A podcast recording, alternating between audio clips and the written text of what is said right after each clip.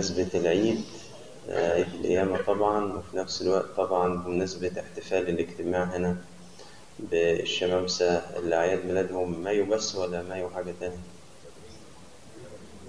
أبريل ومايو؟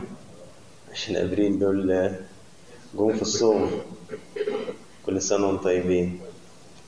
آه، آه، نقرأ مع بعض بعض الأعداد من رسالة معلمنا بولس الرسول إلى أهل كلوسي آه، جزء من أصحاح اتنين وجزء من أصحاح تلاتة بركاته مع جميعنا آمين. آه، أنا هقرأ أع- أعداد تعتبر جزء منها موضوع جانبي مش هو الموضوع الرئيسي بس هسألكم أنتوا نفهموا إزاي إحنا اليومين دول. وبعدين يعني بس مش هديله هو ال- الصدارة يعني عشان ما ياخدش الوقت كله لأن ممكن نفتح عليه ندوة وما نخلص آه، يعني بس هقوله لكم. آه، كنيسة كلوسي عشان برضو نفهم الخلفية كان فيها مسيحيين من أصل أممي وثني وكان فيها مسيحيين من أصل يهودي. بس حصل إنه آه، بعد شوية كده حصل هرطقة عبارة عن كوكتيل يعني إيه كوكتيل؟ يعني شوية معتقدات يهودية على شوية آه، معتقدات وثنية أو بدعة الغنوصية دي اللي بيقولوا عنها إن المادة شر وبالتالي ما تقدرش تتعامل مع الله مباشرة لأن أنت مادة وهو روح فتتعامل عبر وسطاء الوسطاء دول ليهم كرامة ونعبدهم زي الملائكة مثلا وعدد لا نهائي من الوسطاء تتدرج بينك وبين الله لأنك مش هينفع تتعامل مع الله مباشرة وحاجات زي كده. ففي في كوكتيل كده هيدخل أو دخل بنسبة وبولس الرسول بيحاول إيه؟ يسحبه كده. فعشان كده بقول الخلفية دي عشان نفهم الكلام اللي جاي. فلا يحكم عليكم أحد في أكل أو شرب أو من جهة عيد أو هلال أو سبت. التي يظل الأمور العتيدة. وأما الجسد فللمسيح. لا يخسركم أحد الجعالة راغبا في التواضع وعبادة الملائكة ومتداخلا فيما لم ينظروا منتفخا باطلا من قبل ذهنه الجسدي. وغير متمسك بالرأس الذي منه كل الجسد بمفاصل وربط. متوازرا ومقترنا ينمو نموا من الله. في كلمة محورية هنا مهمة خالص. حطوا عليها دايرة حط تحتها خط اسمها غير متمسك بالرأس. عشان دي ممكن تكون لنا مخرج لما نيجي نحكي مع بعض. إذا إن كنتم قد متم مع المسيح عن أركان العالم فلماذا كأنكم عائشون في العالم؟ تفرض عليكم فرائض. لا تمس ولا تذق ولا تجس. التي هي جميعها للفناء في الاستعمال حسب وصايا وتعاليم الناس. التي لها حكاية حكمة. حكاية حكمة يعني شكل حكمة مظهر حكمة. بعبادة نافلة. وتواضع كاذب وقهر للجسد ليست بقيمة ما من جهة إشباع البشرية خش في صح ثلاثة. فإن كنتم قد قمتم مع المسيح. إحنا من شوية كان مالنا كنا إيه؟ متنا. وحاليا دلوقتي إحنا إيه؟ قمنا مع المسيح. فاطلبوا ما فوق حيث المسيح جالس عن يمين الله. اهتموا بما فوق لا بما على الأرض. لأنكم قد متم وحياتكم مستترة مع المسيح فالله متى أظهر المسيح حياتنا؟ فحينئذ تظهرون أنتم أيضا معه في المجد. فأميتوا أعضاءكم التي على الأرض. الزنا النجاسة الهوى الشهوة الردية الطمع الذي هو عبادة الأوثان في طمع في خدمة الشموسية والكهنوت ولا ما فيش؟ بنطمع في إيه؟ في المردات آه وأنا وأبونا يوحنا ممكن أطمع في رفع الحمل بس آه أو نطمع في الرتب الا ما بنطمعش في الوعظة بس دي الحاجة اللي إحنا بنحاول دايما نقدم بعضنا البعض. بس أستاذ بطرس هو اللي فتح معايا الكلام ده لما قال من شوية أول ما دخلت أنا إن الوعظة لازم تكون إيه؟ ليها علاقة بإيه؟ بشموسية فعلا. فممكن الكلام ده ما أقولوش في اجتماع عام بس فعلا ما أنا لازم أدور على موضوع الطمع ده في في حياتي أنا مثلا كخادم للمسبح سواء أنا ككاهن إحنا مجربين بنفس التجارب على فكرة. يعني لما بنتكلم هنا مش بنوعظكم إحنا تحت هذه الآلام بعينها. يعني تحت هذه التجارب وأنواع الخطايا بن- بنجاهد ضدها برضو لأنه آه، من أشهر الحاجات اللي ممكن تحاربني ككاهن أو كشماس فعلا ان أطمع في مكانة غيري. فلان ده مميز في الخدمة ال- فلان ده في الخورس فلان ده دايما يدوله مش عارف المرض الفلاني. آه، أبونا يوحنا ده هو اشمعنى هو اللي معتبرينه حجة الطقس يعني في الكيس؟ طب ما أنا أفهم برضه ما أنا نافس أبونا يوحنا يعني. اشمعنى يعني اشمعنى أبونا فيكتور يعني هو يبقى شاطر في الحاجة الفلانية؟ اشمعنى أبونا تيموساوس يعمل مدرسة شمامسة وأنا ما أعملش ليه؟ اشمعنى أبونا الشاعي هو يقود اجتماع الصلاة الشهري في الكنيسة؟ واخدين بالكم. أنا على فكرة أعرف أعمل كل دول. يعني لو لو غابوا الأربع أباء أقوم أنا بالكنيسة. أنا أفهم في كل الحاجات دي. تجارب تجارب صعبة. بولس الرسول بما بيقول بما أنكم متم مع المسيح موتوا الحاجات دي. بما انكم إيه متم مع المسيح. موتوا الأهواء الرديئة دي موتوها. أميتوا أعضاءكم التي على الأرض. لما قال أميتوا أعضاءكم ما قالش إيدك ورجلك. قال الزنا اقصد الهوى. يعني لما تيجي تميت ما تعذبش جسدك. سامحوني دول أدوات لجوة. ما بيشتغلوش بناء على دماغهم. جوه بيقول لهم اعملوا فهم إيه؟ بيعملوا فهم ما لهمش ذنب يعني. آه بيشتركوا في الإثم. بس أقصد أقول مش هم أصل العلة. أصل العلة فين؟ في القلب من جوه. لما الرب يسوع قال إيه؟ الإنسان الصالح من كنز قلبه الصالح يخرج الصالحات والإنسان الشرير من كنز قلبه الشرير تخرج. الشرور فلما جه قال اميتوا أعضاءكم ما سماش الأعضاء الجسمانية لأن دي ما إلا عبد المامور في جوه المشكلة الأهواء الرديئة فبدأ يسميها الزنا النجاسة الهوى. نحن أيضا مجربون بهذه الأمور سواء في حياتنا الشخصية أو في أثناء خدمتنا في الكنيسة. وإن كنت أركز هنا على خدمتنا في الكنيسة بس هي لا تنفصل هي وحدة واحدة مع وجودنا بره الكنيسة. إحنا لازم تكون عينينا عفيفة في الكنيسة. أنا كأبونا وأنت كشماس لازم تكون عينينا عفيفة منضبطة في الكنيسة. ما يجبش إن أنا أتفرس في وجوه الآخرين أو أتأمل في أجسادهم أو أو أتعامل معهم تعامل غير نقي لأنه ده أهواء رديئة وأكيد هتحاربنا وأكيد بتحاربنا. والقديس بولس بيقول مش أنت مت مع المسيح هو على فكرة مش بيسأل. ده هو متيقن يعني بيقول لك مش بما إنك أنت مت مع المسيح فعندك قوة تستطيع أن تميت هذه الأهواء. كون انك مش بتستخدمها فدي قصة تاني لكن القوة دي موجودة؟ آه موجودة. هذه الإمكانية موجودة في داخلك؟ آه موجودة في داخلك. ليه؟ لأنك مت مع المسيح. فقوة موت المسيح أنت اتحدت بيها فأصبحت قادر بقوة موت المسيح أن تميت هذه الأهواء.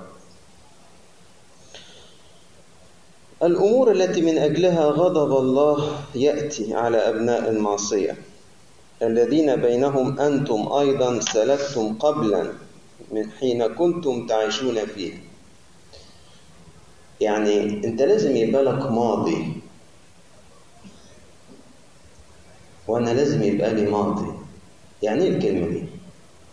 آه أنا أقصد إيه؟ برمي عايز أقول إيه؟ يعني إيه لازم يبقى لك ماضي؟ أو أنا لازم يبقى لي ماضي؟ أقصد إيه أنا؟ هو صعب طبعا تعرف اللي في دماغي بس ممكن. لأن دي فكرة معينة في ذهني بس. عشان تدور على الأفضلية عشان أدور على الأفضلية كل مدى تحسن من وضعك. آه. حد جه في باله أنا ممكن أكون برمي على المسيح. خبرة لا خليك في الآية. إنه كنتم قبلا سلكتم فيها حين كنتم تعيشون فيها. دي هنا خبرة وحشة. خبرة في الخطية دي. آه. اتفضل. نعم؟ كفايانا أشكرك. أنا أقصد كده. أقصد إيه؟ خليه خلاص ماضي وإيه؟ وانتهى. ما افضلش عايش فيه كمان إيه؟ حاضر ومستقبل. فاكر مين القديس بولس؟ قال- آه، آه، أو لا تقريبا القديس بطرس. يكفينا الزمان الذي مضى. آه آه أنسى ما هو وراء كفاية خلاص. كويس إنه يبقى اسمه ماضي لأنه معناه إن أنا حاليا مش إيه مش عايش فيه. لأنه لو كنت عايش فيه دلوقتي كان يبقى اسمه إيه؟ ماضي وحاضر. خلاص ده دي و- وانتهت وخلصناها. ده بيشجعني على إن سيرتي الحالية تكون سيرة إيه؟ مقدسة. أتوب أتغير. كنت زمان عيني مش مظبوطة. أشكر ربنا جاهدت وبنعمة الله وتبت وعيني بقت مظبوطة. كنت زمان طماع. أبص لدي وأبص لدي وعايز دي وعايز دي. بنعمة الله بنعمة الله بجاهد ضدها وتحسنت كتير دلوقتي. انت بتعمل كده إزاي؟ ابدا بتاجر بالقوة المتخرة فيا اللي جاتني من اتحادي بموت المسيح. عشان كده الكلمة اسمها شركاء الموت والقيامة. طبعا أنتوا أكيد عارفين إحنا إزاي متنا وقمنا مع المسيح. أكيد لأن دي مش سؤال صعب أسأله في اجتماع شمس إجابته معروفة. معروفة؟ بالظبط. إحنا خدنا سر ما هواش آه، حاجة تمثيلية لكن آه، ده اللي حصل ان إحنا بناء على إيماني أو ايمان الاشبين بتاعي وتوبتي أو توبة الاشبين بتاعي عني نزلت في المية ودفنت مع المسيح وخرجت من المية وقمت مع المسيح. ومن هذه الوقت ادخرت فيا إمكانيات وطاقات اللي حققها المسيح بموته وقيامته. ودي إمكانيات موته. ما قيامته دي بشكل إيه؟ يعني إذا كانت دي بس الطاقات والقوة اللي جت بموته إن أقدر أميت الأهواء الرديئة اللي جواي أنا كنت اديتها مثل من كام يوم بالموبايلات بتاعتنا. معظمنا بيجيب موبايلات حديثة غالية يعني. ولولا الفلوس تعجز معانا يعني إحنا بنجيب أكتر ما نقدر عليه يعني. وأحيانا نجيب أكتر من طاقتنا. مع إن اللي بنستخدمه من إمكانياتها محدود للغاية. واللي نعرفه عن إنه موجود فيها محدود للغاية. ساعات أسمع تعبيرات جميلة كده يقول لك أنا الموبايل بالنسبة لي تك أرد تك يرن وخلصنا ماليش أنا عامله في الوش. طب أمال أنت دافع ليه؟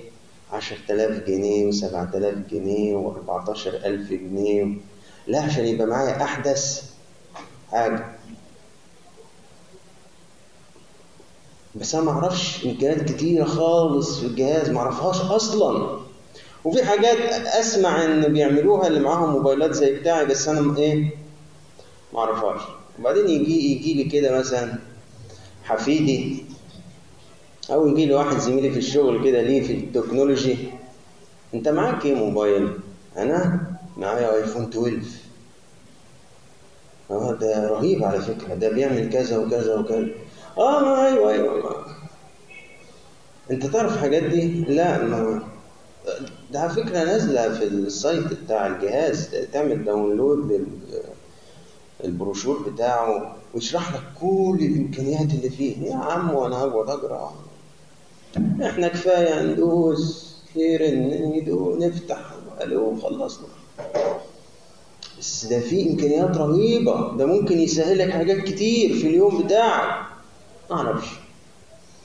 إحنا للأسف تجاه استداع أو استوداع المسيح فينا لقوة موته وقيامته بالظبط زي فكرة الموبايل المجهول الإمكانيات العظيم القيمة اللي في جيبي.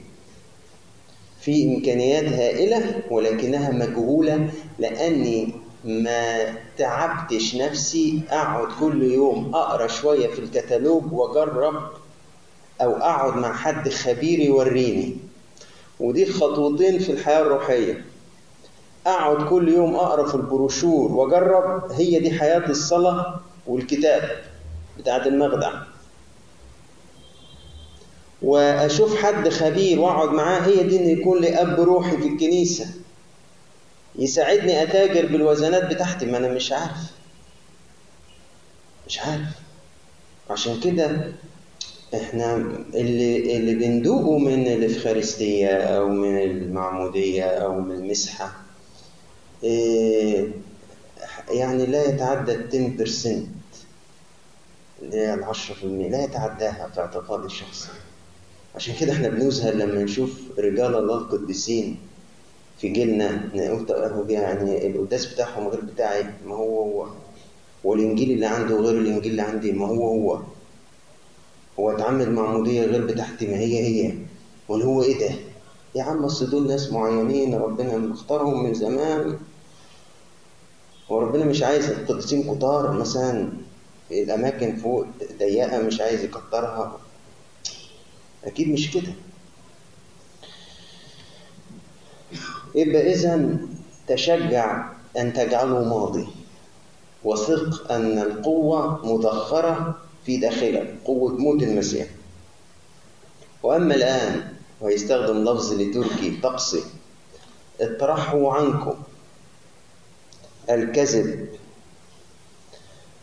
الغضب السخط الكلام القبيح لا يخرج من أفواهكم. إذ خلعتم الإنسان العتيق مع اعماله هنا بولس بيكشف إنه كان قصده لما قلت لكم أنتوا قمت مت وقمت وأنا كنت بتكلم عن المعمودية واللي في طقسيا وليتورجيا فيها بيقولوا للشخص قبل ما يتعمد بروح إيه؟ اخلع هدومك لأنه دي بتفكرك إن أنت حاليا بتخلع بتخلع عنك الإنسان العتيق. وهنشوف بعد شوية إن أنتوا لبستوا المسيح عشان كده بعد ما يطلع من جرن المعمودية بيقولوا له إلبس الثوب الأبيض ده. الحاجات الرمزية دي بتكشف أو بتفكروا إنه قد نال هذه الأمور جوهريا في داخله. يقول أنت خلعت عنك الإنسان العتيق مع أعماله استمر في خلعه. إيه ده ماله؟ ده قال لك الغضب. الغضب بنعتبره في أوقات كتير مش خطية. ولما بنيجي نعترف بيه في الاعتراف أحيانا كتير يبقى صيغه الاعتراف كده. عايز أحكي لك يا أبونا عن بابا وماما في البيت. مالهم؟ صعبين جدا جدا. ينرفزوا بلد. لو جبت لوح تلج وقعدت قدامهم يبقى نار.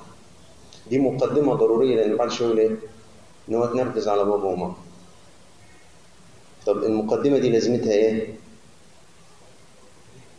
أنا راجل ما أنا ماليش ذنب. يعني الخطية دي أساسا على مين؟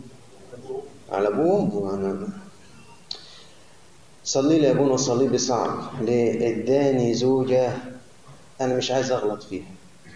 بس لا تطاق دي مقدمة إنه بعد شوية مثلا أنا شتمت مراتي أنا مديت إيدي عليها طب إيه إيه لازمة المقدمات دي؟ ده نوع من المراوغة بتنهي اعترافي أساسا. خلاص كده خرج بره كونه اعتراف. الاعتراف ده إقرار بمسؤوليتي. فكون إن أنا ابقى قاعد أمهد وأدي تبريرات وصلي حصل وصلي مش عارف إيه ده معناه إن أنا مش عايز أعترف بمسؤوليتي عن هذه الخطية. وبالتالي لن تقبل كتوبة ولن أعطى غفران في مقابل. ودايما كان النساك بتوع كنيستنا يقول لك أنت دين نفسك ربنا إيه؟ يبررك. تبرر نفسك الله يدينك والسخط والخبث. خبث يعني عايز أعرف المرد ده النهارده اتوزع على مين؟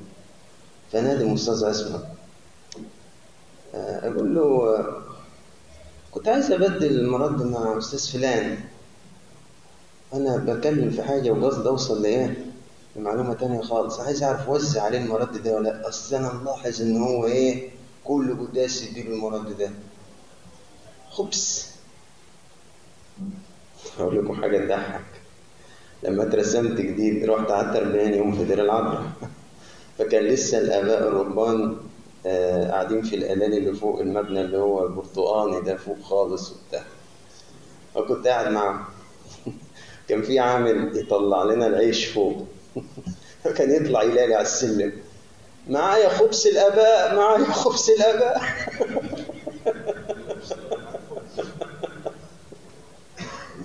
بقول له كتر خيرك. يعني مخلي سمعتنا زي الفل. كل شوية معايا خبز الاباء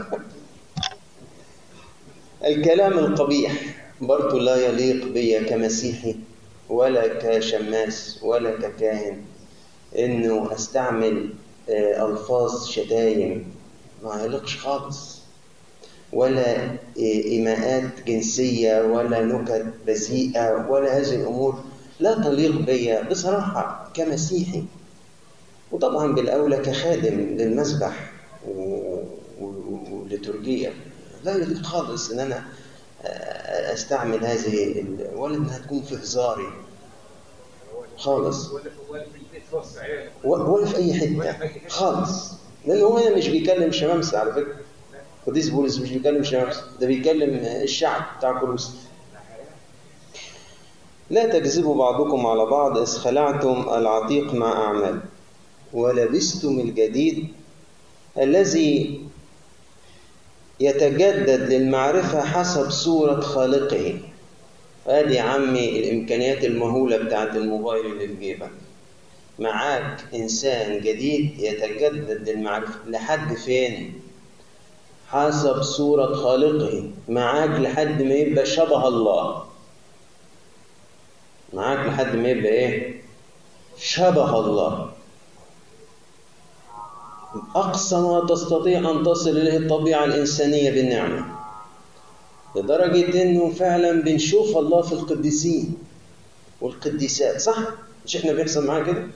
نقعد مع رجل قديس أو ست قديسة كده بحس إن شفت ربنا في قداسته في وداعته في طهارته في حضور الله اللي فيه فبحس فعلا أنا شفت ربنا إمكانيات الإنسان الجديد يقول لك أنت لبست الإنسان الجديد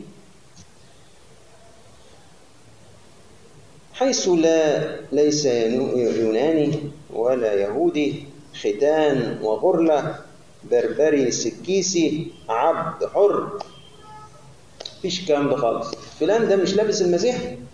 آه لابس المسيح. خلاص ما تقعدش تكلمني. أصل دوا دول أصلا من البلد الفلانية ودول بلد دي صعبة موت. دول اصل الجماعة دول افروشيت مش عارف إيه معروفين دول صعبين خالص. أيوه دول مسيحيين كده يعني بس يعني مش مسيحيين جو يعني. أنا اصل إحنا عيلتنا العيلة الفلانية وإحنا العيلة الفلانية. لسه برضه بص خد بالك إحنا في مراجيرجس متميزين آه إحنا في مراجيرجس غير أي كنيسة تاني خالص. اللي خدم في مراجيرجس ما عرفش يخدم في حتة تاني لا لا لا لا لا. بصراحة ما بحبهاش اللغة دي. ما بحبهاش. كل كنيسة لها ما يميزها. وما يجبش إن إحنا في اعتزازنا بالكنيسة اللي ربتنا آه ناخد منها حاجة كده نفرد بيها. الله قادر أن يقيم من هذه الحجارة أولاد لإبراهيم. كل كنيسة وربنا مدي فيها نعمة لخدامها ولشبابها. ولها طعمها ولها خدمتها. ومن الحاجات اللي أبونا حنا من زمان بيتعب فيها ولحد النهاردة أساسا جوه ماري جرجس بيحاول يدوب أي إحساس بالفوارق بين الخدمات وإيه وبعضيها. مفيش خدمة بشرطة وخدمة من غير شرطة. مش فلان ده لابس المسيح؟ آه مش ده لابس الإنسان الجديد؟ أيوه ده لابس الإنسان الجديد؟ أيوه. خلاص ما تقعدش تكلمني ده أصله إيه وفصله إيه وفصله إيه؟ ويروح على طول لابسها كده. بل المسيح الكل وفي الكل. تقعدش تقول لي أصل دي من هنا وده من هنا وده أصله إيه وده مش عارف إيه وأصل دي الخدمه الفلانية وده تبع فلان وده. أمال إيه؟ قال المسيح الكل وفي الكل. أنا ما أعرفش غير إنه المسيح فيهم كلهم. مسيح الكل وفي الكل. هو المسيح كل حاجة وفي كل واحد فيكم. كان يوناني كان بربري كان سكيسي كان عبد كان حر كان رجل كان امرأة ما فهمش الكلام ده خالص. أعرف إن ده مش ده لابس المسيح؟ مش ده لابس الإنسان الجديد؟ مش ده مات مع المسيح وقام مع المسيح؟ أمال إيه هو؟ هو ده أهو لابس المسيح أهو. حيث المسيح الكل وفي الكل. فالبسوا كمختاري الله. عايز تشوف إمكانيات القيامة مع المسيح؟ شفت إمكانيات الموت؟ شوف إمكانيات القيامة. البسوا كمختاري الله القديسين المحبوبين. أحشاء رأفات حنية إحساس بالآخرين. أحشاء رأفات قلبك يرق للمتألم يرق للخاطئ الساقط تحت خطيته ومحتاج حد يمسك بإيده. يرق للفقير يرق للإنسان اللي ظروفه صعبة. أحشاء رأفات ولطف. بعد ما كان في غضب وسخط وصياح وتجديف في لطف. زي ما اتقال عن أنبا موسى الأسود بعد ما كان كان بقى ماضي أهو. كان وكان وكان يقول لك زي ملاك الله. زي ملاك. وتواضع. بعد ما كان في طمع. في تواضع ووداعة وطول أناه دي سلوكيات سلوكيات حد فيه نعمة. دي مش ما هي دي أدي بدأ هو في سلوكيات القديسين أهو. بدأ بدأ تظهر الثمار. ما تلاقي إنسان زي كده. القديس انبا بخوم يسأل لما تشوف واحد زي كده أنت أنت شفت رؤية عظيمة. مرة كده كان كان معروف عنه يشوف رؤى كتير انبا بخوم فواحد من تلاميذه من محبي الاستطلاع والمعرفة قال له ما تحكي لنا عن حاجة من اللي بتشوفها. قال له الخاطئ مثلي لا يريد أن تكون له أي رؤى. أنا واحد خاطئ هقول لربنا وريني رؤى. ده أول درس اداهوله بعد كده قال له ومع كده تحب أقول لك على رؤية حلوة؟ قال له هذا آه قال له إن شفت إنسان طاهر متواضع فهذه رؤية. متقابل واحد كده طاهر ومتواضع أنت شفت رؤية. عايز إيه أحلى من كده؟ أنت شفت ملاك أهو. وأريك ما هو أعظم أن ترى الله غير المنظور في الإنسان المنظور الذي هو هيكل الله. لو قدرت في كل إنسان تتعامل معه تشوف الله أنت كده بتشوف رؤى عظيمة. فدي سلوكيات قديسين يقول لك أنت عندي وعندك الإمكانية أنها تكون في حياتنا. محتملين بعضكم بعضا مسامحين بعضكم بعضا. شوفوا الغفران بقى وإن كان لأحد على أحد شكوى فكما غفر لكم المسيح هكذا أنتم أيضا. وعلى هذه جميعها البسوا المحبة التي هي رباط الكمال. فوق كل دول بقى لازم تلبسوا المحبة لأن دي الرباط بتاع الكمال. محدش يكمل إلا بالمحبة. وليملك في قلوبكم سلام الله. أكيد طبعا اللي هيعيش بطريقة زي كده. قلبه هيكون مليان سلام. أكيد. الذي إليه دعيتم في جسد واحد وكونوا شاكرين. هي دي اللي كنت أقصده من شركاء الموت والقيامة. ادينا شفنا الموت مع المسيح أعطانا إمكانيات نعمل إيه؟ والقيامة مع المسيح أعطتنا إمكانيات نعمل إيه؟ السؤال الجانبي اللي كنت أسأله كنت عايز أشوفكم نعيش إزاي في هذا الزمان؟ لما بيقول لهم لا يحكم عليكم أحد في أكل أو شرب أو من جهة عيد أو هلال أو سبت التي هي ظل الأمور العتيدة. لا ولو أنتم متوا مع المسيح ليه ليه عايشين كأنكم في العالم تفرض عليكم فرائض؟ لا تمس لا تذق لا تجس التي هي جميعها للفناء حسب وصايا وتعليم الناس. الكلام ده أنا فهمتكم هو كان مقصود بيه إيه؟ لكنيسة إيه؟ كلوسي. في الأول خالص وأنا بقى إيه علاقته بينا إحنا دلوقتي؟ يعني حاجة زي دي أنا أقدر بالقياس كده أقول دي ممكن تبقى كذا أخد بالي. ولا خلاص أنا أستبعدها. فهمت أصلها إيه في تاريخ الرسالة وماليش دعوة بيها. آه.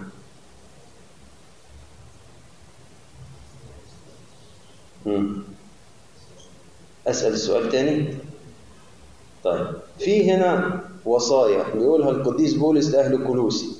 لها مرجعها التاريخي الهرطقات اللي بدأت تنتشر بين شعب الكنيسة هناك وهي عبارة عن خلطة من تعاليم يهودية على تعاليم غنوسية اليهودية باينة في الهلال وفي السبت ولا تزق ولا تجس وحاجات زي كده. لأن ده طعام نجس وده مش عارف إيه كلام زي كده. والحاجات الغنوسية اللي بيعتبر إن المادة شر وإنه إحنا في وساطة بيننا وبين الله هي الملائكة أو الأيونز زي ما بيسموها. ودي ليها كرامة بقى. ونعبدها. فهنا بيقول لهم آه، تواضع كاذب وعبادة ملائكة وكلام زي كده. فده ده كان أصل الموضوع في الرسالة لكلوسي بالنسبة لنا إحنا يسمع معانا في حاجة ولا خلاص إحنا فهمنا مرجعه إيه وخلاص ونركنه سمع معانا في حياتنا اليوميه في الكنيسه الحاليه ان أنا ممكن اعمل الافعال دي بس بطرق أخرى زي مثلا لو آه، الرومانسيه مثلا ان أنا لو لو اتناولت فلازم آه، أجي عند آه، جسد م- سيد مجنو- آه، مارجرجس و- و- واخد برد ان أنا مثلا آه، اقدس حاجة أكثر من من من- يعني في في اخطاء بنعملها تمثل هذه الكنيسه السابقه إيه، الدكتور وجدي بيقول يجب أن نتعمق في تصرفاتنا في طقسنا الحالي لئلا نحرف ببعض الطقوس وألاقي روحي دخلت في حاجات إيه؟ تشبه على كده. وأعطى مثال مثلا الناس بتعطي كرامة الشيء ميرجلز ونحن أيضا نفعل هذا. إنما مثلا الوعي الإيماني واللاهوتي يقول لي إن حيثما الذبيحة على المذبح فخلاص. ما, ما, ما ينفعش أنصرف عنها و- وأعطي كرامة للشهيد مارجريس أنا هنا آه، ده نوع من التواضع الكاذب أو يقولوا عليه عبادة القديسين. ما ينفعش نعبد القديسين ما ينفعش نعبد العذراء القديسة مريم ولكن نكرمهم. وبعدين في في أوقات معينة م- إحنا وهم نلتفت للرأس الذي هو المسيح. لأن هنا بيقول غير متمسك بالرأس. يعني لو دخلت في صلب الممارسات دي تكتشف إن وقع منهم أهم حاجة اللي هو مين؟ المسيح. تايهين في تفاصيل كتير كتير كتير. واوعى تمس دي واوعى تعمل دي واوعى تيجي ناحية دي واعمل كذا وسوي كذا. تخش تدور جوه على المسيح تكتشف إنه إيه؟ مش موجود. فراح مديهم كده لهم غير متمسك بالرأس. يعني فرغ المسيح من من مركزيته. عاد أصبح حاجة من ضمن الحاجات. إكرام المسيح وتمجيده والتمسك به أصبح حاجة من ضمن. مش هو الرأس اللي كل حاجة مشدودة منه وطالعة منه وبيدير الكيان كله؟ طب حد عنده تعليق تاني مع اتفضل أستاذ لا أنت كده لازم تعمل صوت.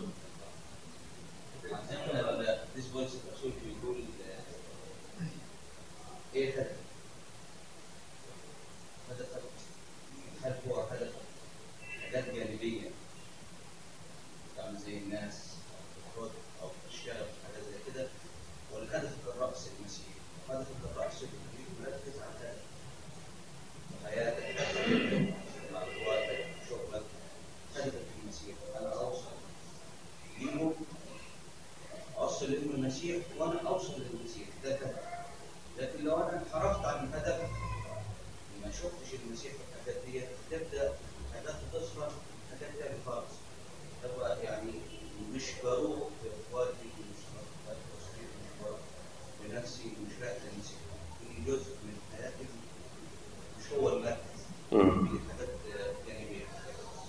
عارفين عايز أدي مثل آه، وأرجو أن يتسع قلبكم يعني ال- البشارة بتاعت الإنجيل هذه العلبة المعدنية اللي عليها أيقونة من هنا وأيقونة من هنا هي جواها إيه؟ أيهما أهم الإنجيل اللي جواها ولا العلبة؟ صح كده؟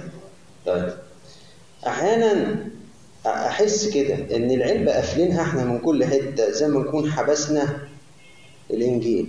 وتركيزنا كله قائم على تكريم العلبه ولو واصلا ما كانش أصلا الهدف من منها كده هي كانت زي غلاف في الأول قيم تعبيرا عن تقدير الإيه؟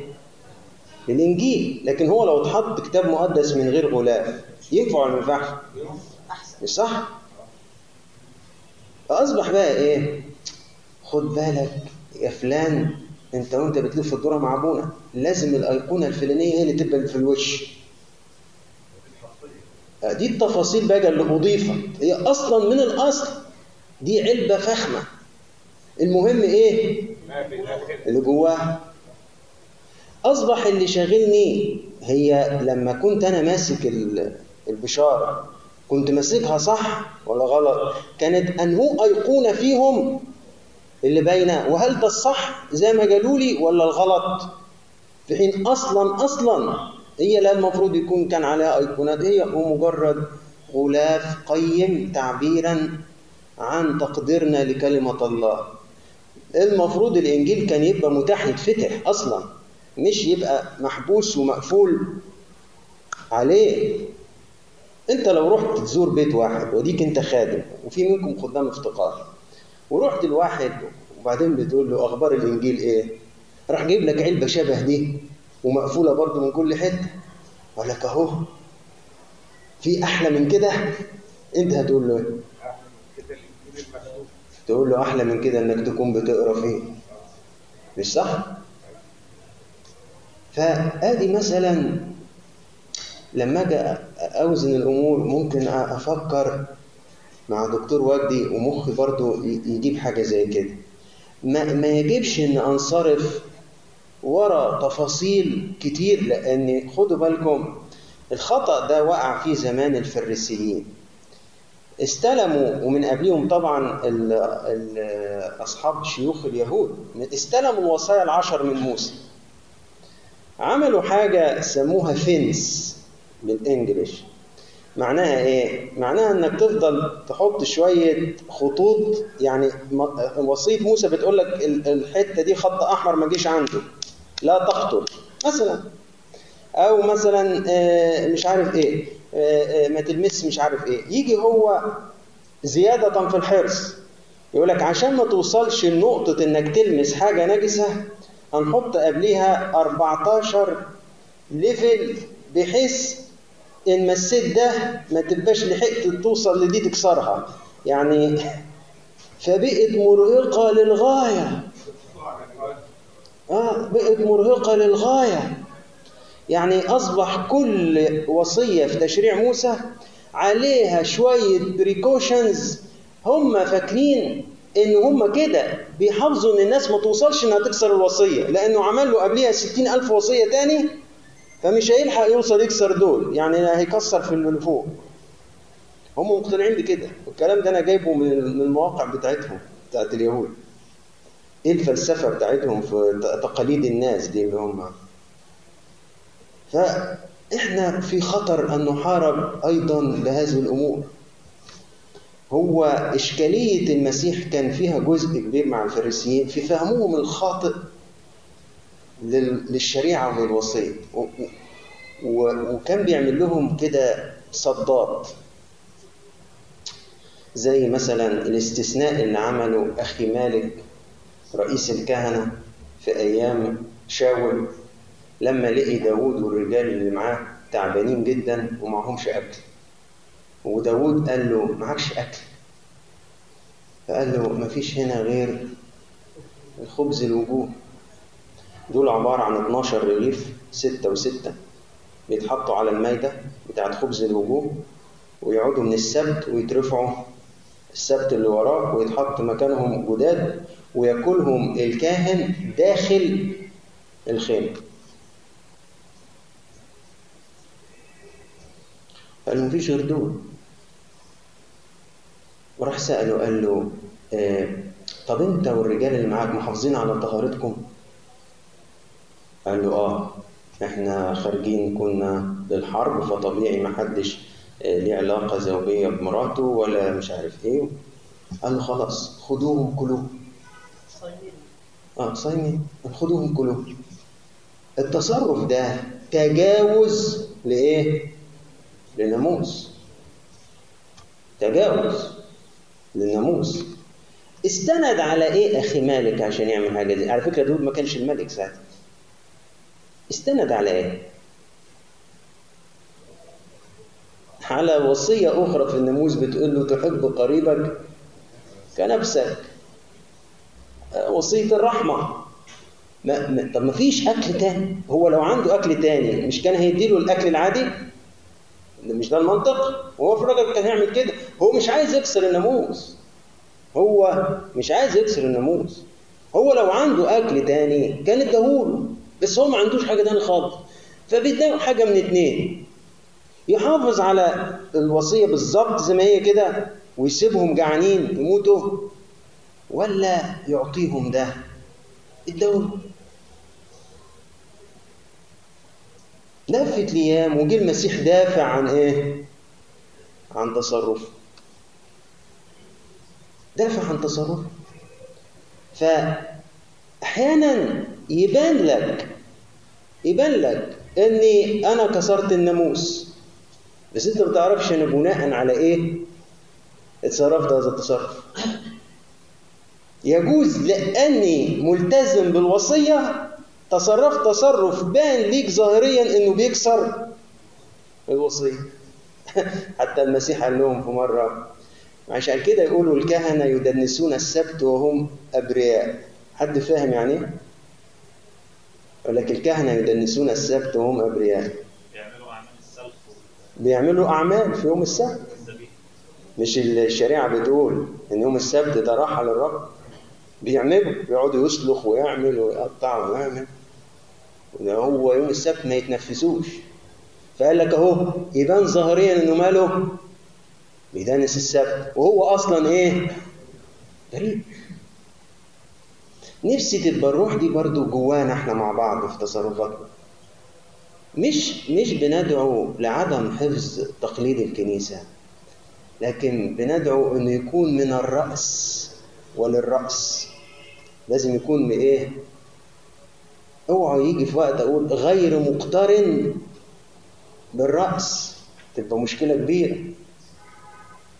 ما ينفعش مهما كانت الطقوس جميلة وفخمة ومهما كانت ليها قيمتها لابد إنها تكون طالعة من الرأس وتخدم على الرأس.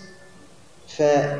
فدي آه الآيات دي محتاجة هي بس برضه محتاجة حذر في التعامل معاها لألا الإنسان يحدف للناحية التانية. يتهيأله إن القديس بولس بيقول له إيه؟ لا أنت لا تمسك في حاجة ولا تلتزم بحاجة. هو ما يقصدش كده القديس بولس. عايزة حكمة وعايزة إنها تكون تحت إرشاد حد خبير في طريق الله يفرز معايا فعلا. أنا إزاي أنقي أنقي التوب الأبيض بتاعي من بعض الخيوط السوداء اللي ممكن تكون دخلت فيه تحت مسميات لا تزق ولا تمس ولا تجس. عشان دي بتدي المسيحية بهاء الحرية بتاعتها كده وبهاء الفرح اللي فيها كده. وإحنا إلى حد ما ده بيحصل يعني بشوفه بنسبة موجود يعني. لما مثلا طفل يغلط ويدخل الهيكل هو المفروض ما يدخلش صح؟ ما بنقدرش نذبحه. تعال يا دي انت هنا إزاي دخلت الهيكل بيروح شماس وراه بوداعة كده وكأنه بيلعبه ولحد ما يخرجه بهدوء. وبعدين إن كان كبير شوية بيفهمه حبيبي إحنا هنا الهيكل ده بيدخله أبونا والشمامسة أثناء الخدمة. بيعمل له محاكمة بيقعد يعمل له مش عارف إيه. سامحوني آه، إن بنبقى موجودين جوه وتيجي واحدة ست فجأة كده مش دريانة وتروح إيه داخل الهيكل بنعدمها مش بنعدمها. بهدوء بنعمل إيه؟ ناخدها واحدة واحدة ونفهمها. لكن إيه ده؟ مش مش مطلوب إن يبقى في ثورة. مطلوب إن يبقى إيه؟ آه أنا مدرك الصح. هي مش فاهماه مش واخدة بالها منه. مش عارف إيه. أنا آخدها بالراحة. أعرفها الصح فين. خلاص. طفل صغير مش عارف. الحاجات دي بتحصل. كويس. كويس إن ده يحصل. كويس إن نلاقي إيه؟ روح تفاهم بيننا وبين بعض كأبونا كأستاذ بطرس كشمامسة فيما يختص بالليتورجية بتاعتنا وفيما يختص بالقداس وفيما يختص بالمردات وتبقى في فعلا آه، روح حلوة. الهدف منها كله مجد المسيح. فدي النقطة الجانبية اللي أنا ما حبيتش إن أبدأ بيها. عشان ما تاخدش ال- الوقت يعني. لكن لما جت في السكة كده حسيت لا محتاجين برضه طب إيه علاقتها بينا إن إحنا آه، نفهمها في هذه الأيام. ربنا يعطينا إن إحنا ندوق ونعيش هذه الإمكانيات الجبارة اللي أعطيت لنا في موت المسيح وفي قيامة المسيح لأننا متنا مع المسيح وقمنا مع المسيح. ولإلهنا كل مجد وكرامة إلى الأبد.